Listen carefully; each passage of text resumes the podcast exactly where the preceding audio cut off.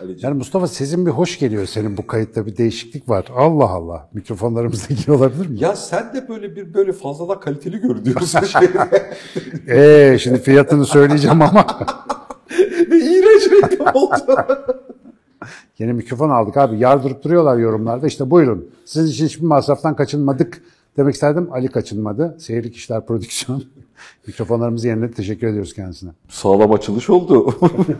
Sevgili hocam nasılsınız? Vallahi hamdü senalar olsun efendim. Sizler nasılsınız? Gayet gayet iyiyiz. Teşekkür ediyoruz. Bak İstanbul beyefendisi gibi yavaş yavaş konuşmayı öğrendim bir Ankaralı olarak. Sağlığınıza duacı, saadettesiniz inşallah. Yo sen baştan beri bu konuyla alakalı gayet becerileri, yatkınlıkları olan bir adamsın. Ben senin 5 yaşındayken ki ses kaydını dinledim yahu. O zaman bile iki buçuk bu. İki buçuktu tabii. Ama güzel değil mi? Güzel ve o dönemki o teybi hatırlamak da güzel. Kırmızı rekord düğmesi olan teyip hikayesini hatırlamak da Sırf güzel. o kaset için zaten. Bir tane kaset var elimde şu anda. Eski arşivin hiçbiri yok. Onun için gittim şey aldım yani işte. O gördüğün aleti aldım. güzel. Çalmak lazım. Bir hikaye var kafamda seninle paylaşmak istediğim. Ee, bu hemen her seferinde bizim e, toplumla girdiğimiz ilişkide ve bizim kendimizi sorgularken ki e, kendi iç bakışımızda ikisinde birden e, önemli başlıklardan bir tanesi. Biz hep şöyle zannediyoruz. Hayatımızda bir karar alacağız ve siyah ve beyaz gibi bugünden yarına bir şey değişiyor olacak. E, böyle bir zannı hiç uygulamadan da geçirdiğimiz bir hayatımız var. Hayatımızın pratiği aslında bununla hiçbir alakası yok. Öyle bir bir yapsam ne süper olacak. Evet, her yılbaşı, bak yılbaşı geliyor sen gıcık olursun. Hadi oradaki mevzuyu. Her yılbaşı, her ay başı, her pazartesi falan bir karar alacağım ve bundan sonra bir şey değişecek hikayesi. Halbuki pratiklerimiz şöyle yürüyor. Gün içerisinde küçük küçük kararlar alıyoruz. Küçük küçük kararlar bizi büyük büyük sonuçlara götürüyor Zaman içerisinde. zaman içerisinde yaygın bir şekilde büyük sonuçlara götürüyor. Bunun en kritik örneklerinden bir tanesi de hangi mesleği seçtiğimiz, ne iş yaptığımız, neyi üretmeyi planladığımızın hikayesi. Şimdi geriye doğru baktığımızda şimdi burada konuşurken hep kıllı bıyıklı adamlar olarak masada bir şey konuşuyorken falan işte ben zaten baştan biliyordum reklamcı olacağımı, şunu şöyle yapıyordum falan gibi hani bir şeylerle alakalı yürüyor. Halbuki pratiğe baktığında konunun hiç onunla bir alakası olmadığını, küçükken büyürken astronot olacağım ben, ben, polis olacağım ben falan diye başlayan bir hikayenin meslek seçiminde yine o küçük hareketlerin, birinin küçük kararlarının, dış etkilerin, örneklerin falan yönlendirdiği bir süreci var. Yine de insan olduğu yerde, hayatının kri- kritik döneminde, şimdilik iki defaymış gibi görünüyor ama üçe doğru da gidiyor. Ne iş yapayım, ne iş yapmalıyım, benim için en iyi olacak işi nasıl seçerimle alakalı e, ters taraftan bir sorusu oluyor. Bunun iki kuşağı var. Birincisi 20'li yaşlar kuşağı. Hani o dönemde üniversiteyi seçerken, hatta üniversiteyi daha çok bitirirken verdiğimiz ya da üzerine düşündüğümüz bir karar. İkincisi de 35-45 yaş aralığı içerisinde ikinci kariyer döneminde. Bu sefer akıllı ve tecrübeli bir adamım. Cebimde bir miktar para ve güven duygusu da var. İşte ben şimdi ne işi yapayım, nelerle uğraşayım diye ikinci bir defa sorduğumuz bir dönem. İkisi için de cevaplamak açısından Az önceki dediğimiz yöntemle de beraber bakarak kendimize yakışacak, kendimize en uygun işi seçmek için ne tür yöntemler kullanabiliriz, ne geliştirebiliriz hikayesini konuşalım. Kendi iş seçme öykülerimizden, nasıl geliştirdiğimiz öykülerinden yola çıkarak diyor. Bak gene şimdi bizim muhtemelen izleyenler bunu söyleyince inanmıyorlar ama bunları biz sana gelmeden önce konuşmadık. Ben bu sabah bir arkadaşımın oğluyla Zoom'da bir görüşme yaptım. Çocuk bunalıma girmiş. Konu buydu sabah sabah. Yani işte çocukcağız derslerinde falan çok başarılı da sınava hazırlık moduna girdiği için normalde yaptığı dört işlem bile yapamaz hale gelmiş çocuk mesela. Böyle bayağı bir stres altına sokmuşlar onu ve çocuğun söylediği şey çok enteresan. Ben aslında umursamıyorum. Sınavda umurumda değil. Bölünme bir şeyde karar vermedim. Yani aslında çocukta hiçbir gerginlik yokken etrafın dayattığı bir gerginlik var ve çocuk ondan resmen fizyolojik semptomlar yaşıyor yani o durumda. Biraz onunla hasbihal etmiştik. Şimdi sen bunu masaya getirince ilginç oldu. Ee, mesleği hani işte ben küçükken biliyordum böyle bir şey olacağımı ya da falanca diyorlardı bana işte hocalarım falan sen şöyle olacaksın. Valla benim hayatımda hiç öyle bir şey yok. Ee, şey düşündüm sana anlatırken benim rahmetli babaannem 2000'lerin başında vefat etti.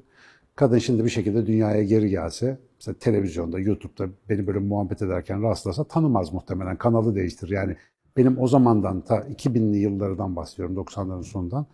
Böyle bir şey olacağımı ben de bilmiyordum, muhtemelen etrafımdaki kimse de bilmiyordu. Ama lisedeyken mesela bana özünden gıcık olduğunu bildiğim fizik hocam birkaç sene önce telefonda bana senin zaten büyük adam olacağın belliydi falan gibi bir şey söyleyince insan zihninin böyle geriye doğru rekonstrüksiyonu nasıl yaptığını bir daha düşünmek zorunda kaldım. Şimdi meslek seçen gençlere hep vermeye çalıştığım bir tavsiye var. Burada da çok konuştuk onu. Ee, herhangi bir meslek dalındaki herhangi birine sorulmaz bu iş. Yani mesela biyoloji okumak istiyorsan biyolojiyi en iyi yapan adama soracaksın. Orada kendini gerçekleştirmiş birine soracaksın. Çünkü biyolojinin kendisi insana bir şey vermez. Herhangi bir meslek insana bir şey vermiyor zaten öyle ideal meslek diye bir şey yok. O insanlar ne yapmışlar onu görmek lazım ki o işi kendilerinin hani en iyi nasıl diyeyim kendi ifade edebildikleri bir mecraya dönüştürmüş olsunlar. O yüzden kişisel hareket tarzı ile ilgili bir şey var orada. Mesleğin kendisiyle alakalı bir şey yok. Şimdi söylediğin meseleye 50 yaşından geriye doğru baktığında o kadar güzel ikna olabiliyorsun ki ama iş 20'li yaşlarda bunu fark edebilmek ne o? Hani o küçük hareketler, devamlı tekrar eden şeyler, her gün yaptıkların ya da yapmadıkların. Bir de bir tazik de var arada. Ee, bunun kişilikle alakalı taleple kimlikle alakalı dış tazik arasındaki dengesine de karar vermek. Şimdi e, dış tazik aslında annen, baban ya da toplumun dışarıdaki yapısı kimlik olarak, sosyal olarak senin işine ne yararın baskısını yapıyor. O yüzden doktor ol, asker ol ya da işte koşullarına göre, durumuna göre hukuk oku vesaire gibi ya da bak yazılım çok para kazanılıyor bilmem ne gibi bir dış tazik oluşuyor. Bu kimlikle alakalı. Halbuki kişilikle alakalı bir durum değil. Böyle etiketlendirince kimlik baskısıyla bir şey oluşunca da e, kişiliği buna adapte edene kadar 25 sene geçiyor. Hatta 65 senede geçebiliyor. Geçebiliyor ve bunun vasatı oluyorsun. Doktor oluyorsun ama vasatı oluyorsun. İşte mühendis oluyorsun ama vasat bir mühendis Enerjinin oluyorsun. büyük bir kısmı kimliğinle kişiliğin arasındaki sürtüşmeyi azaltmaya çalışmakla geçiyor. Bravo. Ya da onun acısını başka şekillerde dindirmek için çok fazla para zaman kaynak harcıyorsun. Yani bir şekilde bir sarhoşluğa vuruyorsun kendini. Mesai saatleri içerisinde geçiştirilen bir hayatı dışarıdaki akşam 3-5 saat, hafta sonu 2 gün, işte yıllık izindeki 15 günde yaşamaya çalışıyorsun. Yani bu aslında bir dram abi, çok büyük bir dram. Ama bundan niye çıkamadığımızı belki fark edersek, hani çıkması daha kolay olabilir kişisel olarak da. Bir kere şimdi bizim temel sorunumuz senin de sıklıkla kafa yorduğun ağ bağ toplumu hikayesi var. İşte bağdan geldik. Ağ toplumunda böyle bir hikaye. Bu arada bu daha Dağdan önce- geldik ağdakini kovuyoruz. Ha, öyle anlaşılmış ama bu hani anlatmayınca da bir de ne olduğunu hani birbirimize bağlı olduğumuz bir bağ toplumu vardı fiziksel olarak. Şimdi ağlarla bağlı olduğumuz bir ağ toplumundan bahsediyoruz aslında. Şimdi orada bir de değerler, sistemler, yöntemler, günlük yaşam, teknoloji çok hızlı değiştiği için eskiden beri şöyle bir şey hep var insanda. Kültürel bir canlı olduğumuz için ana baba çocuğu için kendince en iyisini istiyor. Ee, işte iş güçten dini inanca, kültürel kodlardan değerlere, işte yasaklara kadar her şeyi çocuğu korumak için ona download ediyor yani onu bir şekilde zaptu rapt altına almaya çalışıyor değerler çerçevesinde. O yüzden mesela işte Müge'yi de biliyorsun bizim hanım onu da hukuk illa hukuk oku hukuk oku diye diye okuduğu süreç boyunca da sevmediği bir mesleği ok- okumak zorunda bırakıyoruz bu insanları. Ve büyük bir çoğunluğu da hani benim eşim gibi şanslı olmuyor mesela daha sonra başka işler deneyemiyor. Ona zamanı, kaynağı, fırsatı olmuyor.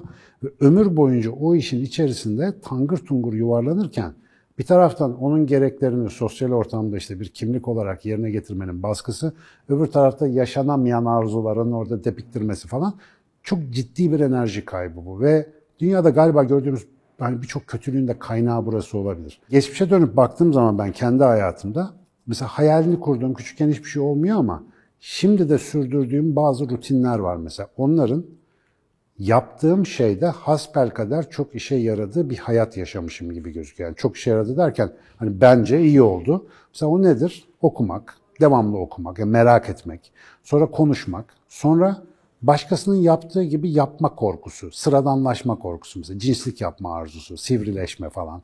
Ya bunlar mesela oyun oynarken de ben böyleydim. Başka yerde de böyleydim. Şimdi şanslı tarafım muhtemelen şu ki sende de bunun yankılanacağını zannediyorum. Sende de öyle bir hava seziyorum. Bir e, kişiliğin bir kişiliğin var senin. Yani bir mizacın var, bir yapın var. Şimdi bu yapı normalde yani insanlar benzersiz oldukları için sosyal ortamlarında şu ya da bu açıdan çıkıntılıdırlar. Ama o çıkıntı eğer kişinin sosyal ortamında bozucu bir etki yapıyorsa sosyal ortam ve kurallar onu törpülemeye çalışıyor. İşte sürtünme diye bahsettiğim şey bu. Uymuyorsun yani oraya. Ama bir şekilde benim şanslı tarafım şu gibi gözüküyor. Bu alışkanlıkların tamamı öyle dışarıda gezip tozup oynamayı çok sevmeyen, lagaluga geyik muhabbeti yerine tuhaf tuhaf mevzuları tercih eden bir adama uygun mecralarla tanışmamı sağladı. Mesela babamın dükkanında kuyumculuk yapamama sebebimi yıllarca ben ticarete olan yeteneksizliğim diye anlatmaya çalıştım ama ticarette olan yetenek tamam o da bir yetenek ama o kadar da yeteneksiz değilimdir yani öğrenebilirdim. Orada ki kurallar benim mizacımla çakışıyor. Yani benim dediklerim o oyuklara oturmuyordu mesela onu fark ediyorum.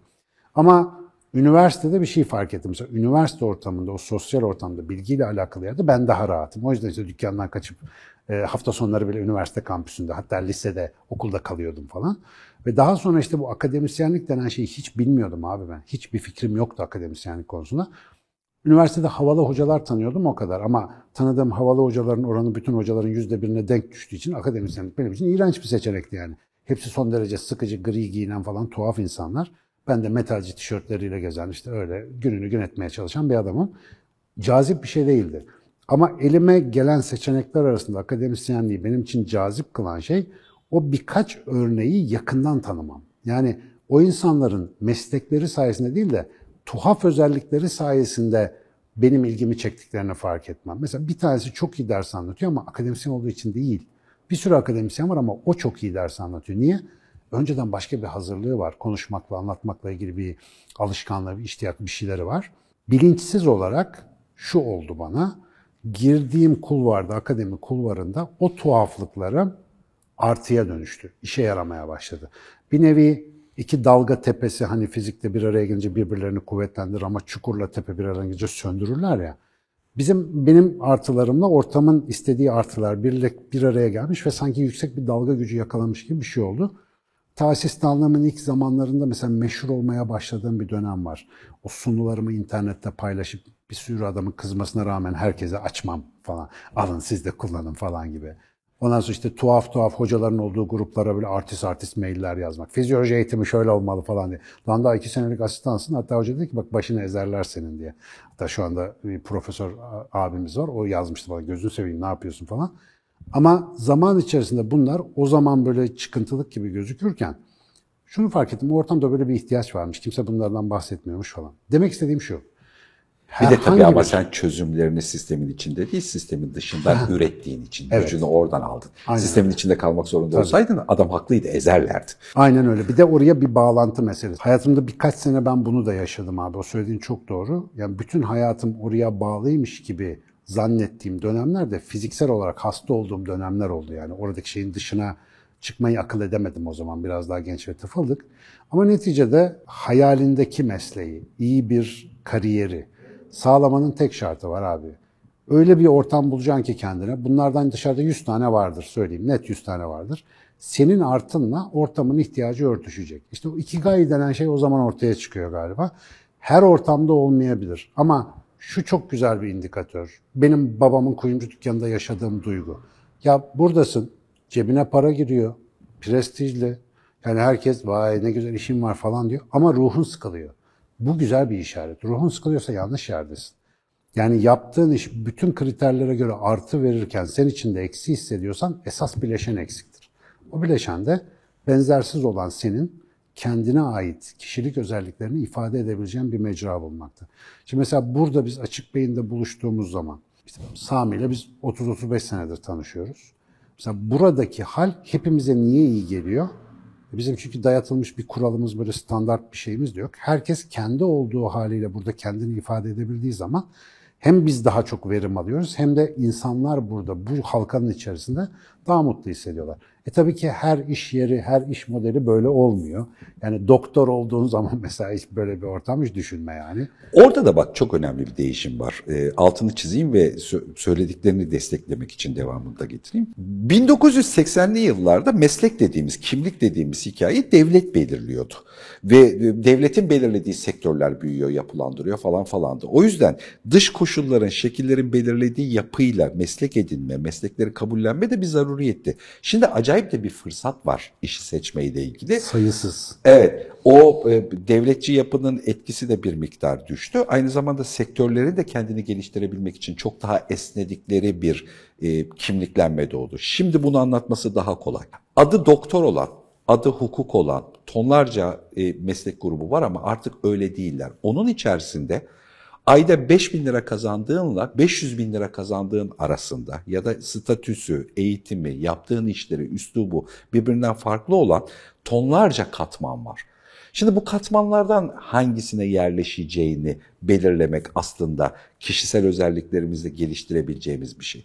O yüzden eskisi kadar önemli kalmadı. Yani ana disiplinlerde bence şöyle tarif edilebilir. Gerçekten tekrar ilkel hale dönüp sosyal disiplinlerde mi kalıyoruz, fen bilimlerinde mi kalıyoruz, sanatta mı kalıyoruz? Bu üçünden bir tanesinde belki bir de bedenle alakalı bir formda kalabiliriz, sporla ilgili. Bu dördünden herhangi bir tanesini seçmek. Bunu seçtikten sonra o branşın kendisini nasıl işleyeceği, sen bunun çok güzel örneklerinden bir tanesin. Adam sen biyologsun. Türkiye'de biyolojinin e, title'ının düşüklüğü belki hani ilk üç sırada yer alır. Sıfatsal anlamda düşüklüğü. Ama senin biyolojiyi neye evrildiğin, ya da nasıl kullandığı işte bu, bunun örneklerinden bir tanesi. O yüzden mesleğin kendisinin hangi isimle konulduğunun artık öneminin kalmadığı. Bizim okuldan haber alıyorum. Biyologlar havası bayağı bir artmış yani. Evet senin yüzünden arttı tabii. işte yani. Hani, Aman ne güzel, ne çık, güzel. çıkıp söylüyorsun eskiden biyolog olmak hani mızıltıyla söylenen bir şeydi. Ne laboratuvarda mı milletin idrarını mı parmaklıyorsunuz falan. Yani hani konu buydu. Sinek doktoru. Şimdi o sinek doktoru da içeriden bakış. Dışarıdan baktığında biz onu Yo yo babaannem diyordu bunu. Oğlum sinek doktorum olacağım falan diye. Kadın endişelenmişti biyoloji kazanıyor. Şimdi o yelpazenin bak hangi aşamada kullanılabileceğiyle alakalı başka bir evre oluşturabiliyorsun. Bunun gibi hangi meslekte olunursa olunsun o mesleğin nasıl elden geçirileceği, evriltileceğiyle ilgili fırsat dönemindeyiz. Biraz meslekle alakalı gelişmeye de kendi kişiliğimizle alakalı bakıp geliştirmek gerekiyormuş gibi. Bir yöntem olarak şunu belki hatırlatmak lazım. Muhtemelen yani genç arkadaşlar bunu bizden inşallah daha iyi fark etmişlerdir. Benim yine kendi hayatımdan şimdi bakınca gördüğüm bir şey var. Ve şimdi bunun adına mesela e, disiplinden bağımsız yetenek geliştirme diye havalı bir isim koyayım. Bak nasıl ürünleştirdim bir anda. E, şöyle bir şey, bir birkaç nerd kafalı arkadaşım sayesinde ben bir bilgisayara sarmıştım. Bilgisayarlar yeni çıktığı zaman o 486'lar falan.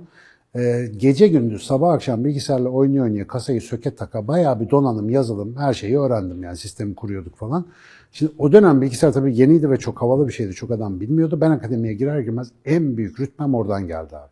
Şimdi sosyal ilişkilerimi bile belirleyen bir şey oldu. Bütün hocaların bilgisayarları için onlar bana muhtaç kaldıklarından dolayı ah Sinan'ım canım cicim öbür asistanların eline paspas vermezler. Beni odalarında çay ikram ederek ya işte bir de bizimki formatlasak falan gibi. Böyle bir muhabbete vesile oldu. Şimdi bu kadar çok seçenek arasında benim çoğunun yani efsafını bile bilmediğim yeni yetenekler de var, yeni alanlar var. Ya bunlardan bir ya da iki tanesinde çok alanda işleyebilecek bazı yetenekler konusunda sana uygun olanlarını seçip yani özel böyle katalogdan seçerek değil de ben bunu seviyorum diye ele alıp biraz ustalaşacağın bir şey ne iş yapıyor olursan ol senin bütün hayatını değiştirir. Yani iyi konuşmak, iyi yazmak, Kendini iyi ifade edebilmek Me- mesela aynen öyle. Mesela kendini anlatmanın dışında bir de böyle hani yaptığın işi diğerlerinden farklı kılabilecek bir ekstra beceri, bir ekstra bir şey. Yani senin gibi el yazısı yazmak mesela gibi. O da o bile olabilir. Hani estetik, teknik ne varsa işin içinde ve illaki birinin efsafına uyan bir şeyler bulması zor değil canım bu devirde. Şu Steve Jobs'un hikayesi var ya okuldan atıldığı zaman kaligrafi kursuna gitmiş de sonra bu bizim e, işte Fontlar dediğimiz düzgün aralıklı fontları kurmuş herif mesela. Hani o zaman çok lüzumsuz gözüküyor ama daha sonra işte onun neye sebep olacağını bilmiyorsun. Kendime baktığım zaman bu basit meraklar, e, derinleşmeye fırsat bulduğum konular yarın bir gün hiç ummadığım artılar sağlamış hala da sağlamaya devam ediyor. Yani ben bugün işte dijital medyada yayın yapıyoruz. İşte bu yayın dahil olmak üzere. Oranın altyapısını anlayıp ona göre içerik üretmede bile hala işime yarıyor. Çağ geçti üzerinden ama hala o deneyimler bugün çalışıyor. Ve işte insan ilişkilerine dair diyelim geliştirdiğin kariyerinden önce bir yeteneğin varsa senin bütün kariyerini değiştirebiliyor. Çünkü yaşadığımız sorunların %90 insan sorunları. Sen onlarla nasıl düzgün iletişime geçeceğine, kendine ifade edeceğine, ifade edileni nasıl anlayacağına dair bir derinlik yakaladıysan o sonra işine çok fazla yarayabiliyor. Dolayısıyla mesela senin biraz önce verdiğin formülü ana alana karar ver. Daha da çok şey yapma ondan sonra. Tamam de ki sanatçı olacağım, de ki bilimci olacağım, de ki bilmem ne. Sonra da benim neyim iyi? Yani cebimde neyim var? Ya da neyi seviyorum oraya biraz daha yumulayım. Ama tabii şimdiki nesli de anlıyorum. Yani hiç serbest zamanları yok, hiç yok. Tuvalette bile telefonları var. Yani hiçbir an sıkılmaları mümkün olmuyor. Yani sıkıldıkça oradan oraya atladıkları için sıkılma anlık bir şey artık. Böyle günler süren sıkılma diye bir şey yok. Dolayısıyla bunun içerisinde de işte belki yeni dünyanın cesur insanında dediğimiz gibi bir kapatıp durup alo işte bir self check yapmak, bende ne var ne yoktu diye bakmak belki iyi olabilir. Dördüncü sınıftan mezun olan çocukların önemli bir kısmında mesleğe geçişle alakalı süreçte birdenbire hayatın gerçekleri diye söylenen bir yalana kandıklarını fark ediyorum. Bu arada o bir yalan. Şimdi biz bunu 50 Evet. yaşında adamlar olarak... Yüzde yüz oradaki- katılıyorum. Aha yani orada öyle hayatın gerçekleri diye bir şey yok. Sadece seni birden endişe ve kaygı altında bırakan bir sistem. Birdenbire muhteşem yetenekler geliştirmiş çocuklarda bile bir de asgari ücretle beraber bir yerde bir şey paraya da gerek yok. İlk bir yıl ben tecrübe edineyim madem tecrübe yokmuş hani falan gibi bir duruma geliyor. Şimdi bu boomer kafası. Düşmeyin o tuzağa gerçekten yani hani en temelde. Okey boomer. Yani gerçekten bu bir, bir 1980'li yıllar kafası. Hala şu anda fiziken işe yaramadığı halde korku hikayesi olarak anlatıyoruz buradaki. Çünkü büyükler korkuyor, bizim de korkmamız gerekiyor. Korkmamız gerektiğini düşünüyoruz. Onlar o yaştayken onu öyle düşünmüşler. Bundan 30 sene önceki hikayeyi şimdi bizim pratiğimiz olarak kullanıyor ya da sahadaki birilerinin pratiği olarak kullanıyor. Halbuki öyle değil. Yani 1980'li yılda hiç konuşamadığımız şey dünyaydı. Şimdi dünya ile alakalı konuşabiliyorsun. Bu ortalama olarak herhangi bir platforma girip herhangi ürettiğin bir işten kaynaklı dolar üzerinden para kazanabileceğin bir sistemdesin. Onun ne olduğunu bir boomer'ın öğrenmesi 12 hafta, senin öğren ben 12 saat. İkisi arasındaki farkı kullanırım.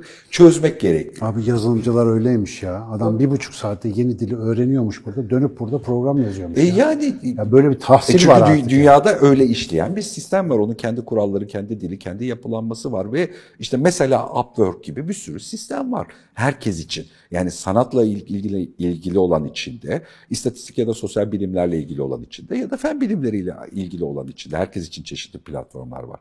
O yüzden tuzağa düşmemek.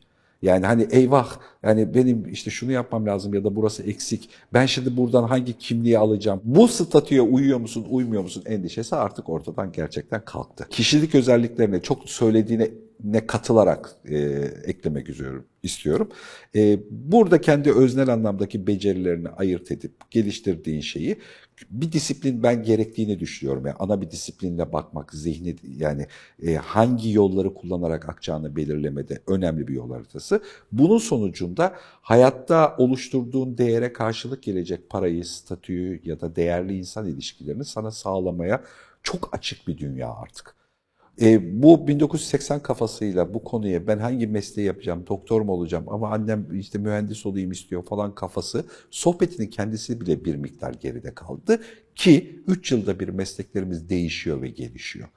Benim 3 yıl önceki yaptığım reklamcılıkla şimdi yaptığım reklamcılık Hmm, Bir de arasında- işte tabii başta onu diyecektim. Anne babanın söylediğinin hükmünün kalmaması bir yana, yani senden bir önce mesleği tercih etmiş insanın tavsiyelerinin bile hükmünün kalktığı, Kalktığı bir dönemdeyiz. 2-3 senede bir her şey değişiyor sistemde. Evet. Ya bu arada tabii biraz da şeyi ya boomerlardan gelen tavsiyeleri çok gömdük ama onların hepsi de kötü olmak zorunda değil bu arada. Belki onu da ayırt etmek lazım. Burada esas konu bence yani şu anın ve konusu bana öyleymiş gibi geliyor. Ben genç olsam şimdi en büyük sorunum gürültü. Noise. Çok fazla gürültü var abi. Yani neyi seçeceğim konusunda ayıklamam gereken o kadar çok gürültü var ki gürültü ayıklamaktan bir hitap düşüyoruz çoğu zaman. Ama mesela bazı basit kıstaslar işte belki burada konuşmaya çalıştığımız şey o. Anne baba büyükler bir şey istiyor olabilir. Anne baba büyüklerin istediği her şey kötü olmayabilir. Ama muhtemelen bize çok uygun da olmayabilir. Onları bir kere sükunetle dinleme yöntemi geliştirmek. Yani ne yaparsan yap. Ya bütün aileler opres- opresif değil mesela. Bazı aileler gayet güzel çocuklarıyla konuşabiliyorlar az da olsa. Ya bir diyalog geliştirebiliyorlar.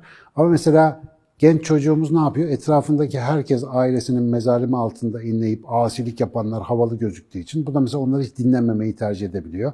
Bir de ergendir öyledir bir beyin yapısı var mesela belli bir dönem. Oradan gelen alışkanlıklar. Ya bir kişisel düzeyde mesela genç arkadaşımın belki öncelikle bir dinlemeyi bir öğrenmesi lazım. Etrafını doğru dinlemek yani. Bir doktor sonuçta vücudu dinlerken patolojik sesi de sağlıklı sesi de duyuyor. Önce bir dinleyecek ki patolojik olanı anlayacak, ayırt edebilecek. Yoksa ya bunun bağırsağı guruldu diye doktor gönderse kimse kimseyi tedavi edemez. Biz de böyle hayatımızın doktoru olurken bir doğru dinleme yakalamak lazım. Bir de şu, e, benim zamanımda normaldi, babamın zamanında kaderdi. Muhtemelen ondan öncesinde de öyleydi. Bir işe başladın mı o senin ölümüne kadar gidecek bir şey. Abi bırakma diye bir şey var. Değiştirme diye bir şey var. Sevmediğini değiştir. evet, Tabii evet. çeşitlendirme. Bu arada mecbursun artık zaten. Ha bir yerde gidemezsin de artık. Evet. Tek bir ray yok. Bir de bu vazgeçme hikayesine alışmak lazım. Hani şimdi mesela sınav stresi yaşayan çocuğun önündeki ben en büyük probleminin bu olduğunu fark ettim. Çünkü konuşturdukça çıkıyor. Çocuk diyor ki, öyle bir şey seçmem lazım ki. Ömrüm boyunca beni Ha bir boyayacak. de tıp beni 100 sene yaşatacak. Sıçtık 100 sene ben bunu yaşayacağım. Yok abicim öyle bir şey. Dene beğenmiyorsan çıkarsın. Gir turizm işletmeciliğine beğenmedin mimarlığa, onu beğenmedin tıp, o da olmadı psikoloji bilmem. Gez gez dur yani. Bu e, bizim bir özgürlüğümüz. Aslında hep vardı. Ama şimdi çok daha uygulanabilir. Tamam eskiden ekonomik koşullar falan benim babam kolay kolay ben kuyumculuğu bırakıp bilmem ne özel girişim yapacağım, unicorn kuracağım diyemezdi mesela. Olmazdı öyle bir şey. Ama bugün böyle şeyleri yapabilme özgürlüğünün yarattığı, yani şunu söylemeye çalışıyorum aslında, gelecekle ilgili bir endişe bugünü bitiriyor ya, o endişeyi hafifleten her şey bugünkü performansını arttırıyor. Aslında yatırımımız şimdiyle alakalı. Anne baba etraf vıdı vıdı konuşuyor, televizyon, YouTube ta ta ta anlatıyor. Sakin olup sadece dinlemek şimdi seni rahatlatıyor. Dolayısıyla şimdiki dinleme performansını arttırıyor. Zaten en başta söylediğin şey neydi? Büyük fikirler, planlar, hedefler değil. Her gün yaptıkların. E dolayısıyla şimdi rahat ve kendinden emin adım atabiliyorsan e gideceğin yerde sana çok yabancı bir yer olmayacak diye düşünüyorum. Yani sakin olmak lazım. Hepsine katılıyorum. Şu boomerlar hikayesi hariç. Boomerlarda önemsenemeyecek ölçekteki küçük bir grup haricinde geri kalan hiç kimsenin akıllı bir şey söylediğini düşünmüyorum masadayken. Ya şimdi Çok bizi ciddiyim. biraz büyükler de izliyor. Yani Ama bir boomer kadar- olarak konuşuyorum. Tabii, tabii. Yani hani ben 50 yaşında bir adam olarak söylüyorum buradaki hikayeyi. Aslında belki evet boomerlara yani bizim gibi büyüklere de şey söylemek lazım. Az bir susun ya. Bir sus ya. Ya halini sistem başka bir- değişti Tabii, çünkü. Her şey değişti. Yani hani bir şeye karar verirken ki yapıdaki sistem değişti. Sistem değiştiğini fark etmeyip konuştuğunda gerçekten işte Ergenekon masalları anlatmaya başlıyorsun farkında olmadan. İşlevsizleşiyor. Duygusal olarak bir değeri olabilir, sevgi kat- katsayı elbette böyle bir karşılığı olabilir. Ama pratikte masada sadece karşı tarafı güven alanında tutan bir alana doğru götürmeye çalışıyor. Bu da ama tabii karşılığında başka bir şey daha var. Burada sigortan var mı sorusu vardı hatırlarsın. Sen adama entelektüel olarak işte engineer bilmem ne falan falanla alakalı çalışıyorum dersin. Dayı sana sigortan var mı diye sorar. O dönem çok gerçek bir soruydu. Karşılığı da vardı. Şimdi mesela masadayken benim fikirlerim var. Alanla ilgili bir şey yapacağım. Bir yerde yürümek istiyorum diyen çocuğa şey diyorum. Kenarda e, öyle ya da böyle safe parası olarak 6 ay ile 1 yıllık bütçeni ayırdın mı? Şimdi bu o dönemin sorusu değildi. O dönemde öyle paralarımız yoktu. Öyle bir para da yoktu, böyle bir sistem de yoktu. Şimdi mecbursun. Şimdi etinden tırnağından nereden ayırabiliyorsan bir yılını gömeceksin, üç yılını gömeceksin, benzinlikte çalışacaksın. Nereden topluyorsan yemeyeceksin. Kenara safe parası diye kullanabileceksin. Yani önümüzdeki bir yılında seni kitlemeyecek parayı kenara koyacaksın ve konuşacaksın. Yani şey de diyebilirsin bu arada. Bana ayda 6 bin lira yetiyor arkadaşım. Kiraya şu kadar bilmem neyi böyle ayarladım. 6 bin lira. 10 ay işte 60 bin lira. 60 bin lira kenara koydum. Bu, bu küçük ölçekte de olabilir. Kendi yaşam standartına göre Yani belirlenmiş. siz bir- gene dolara çevirin de sıkıntı çıkar. Evet. Ama mesela bu da yeni sistem. Mesela bunu da öğreneceğim. Bunu şeyden akıl edemiyor. Mesela e, 50 yaşındaki bir zihnin kafası öyle çalışmadığı için hala sigortan var mı diye soruyor. Şimdi halbuki çok işlevsiz. tamam mı? İşte ya biraz da bunları artık yani büyüye bunu öğretmen zor da hani duyarken bunları mesela ignore edecek bir yapı geliştirmek, göz ardı edecek bir yapı geliştirmek lazım. Azıcık sakin dinlemek lazım yani onu söylemeye çalışıyorum aslında ama ya bu bitmez abi şimdi mesela biz bu işlerle ilgili bak bu kadar konuşuyoruz ediyoruz. Ben geçen gün Aybike bir şey söyleyecek oldum büyük kızıma. Yani çok kısa süreli bana bir tirat yaptı Aybike o söylediğim lafın üzerine. Ee, işte No Country for Old Men'i seyrettin mi diyerek konuyu değiştirmek zorunda kaldım. Yani gerçekten söyleyebileceğim hiçbir şey yokmuş. Ba- başka bir şey yaşıyorlar yani. Ya biz bayağı sıkı fıkıyız bu arada yani ne- neler yaptığını biliyorum ama bu değişen şartlar içerisinde hani ben bir şey olduğumdan değil ama ilgili bir adam olmama rağmen bu kadar geri düştüğümü anlatmaya çalışıyorum. Ya anne babanın zaten kadim bir görevi var abi temelde. İnsan çocuğunun hayatta kalmasını sağlamak. Yani zarar görmeyecek şekilde. Onu mesela belli bir gramajla beslemek değil. Biz bu hatayı da biliyorsun 100 senedir yapıyoruz. Depiyoruz çocuğa.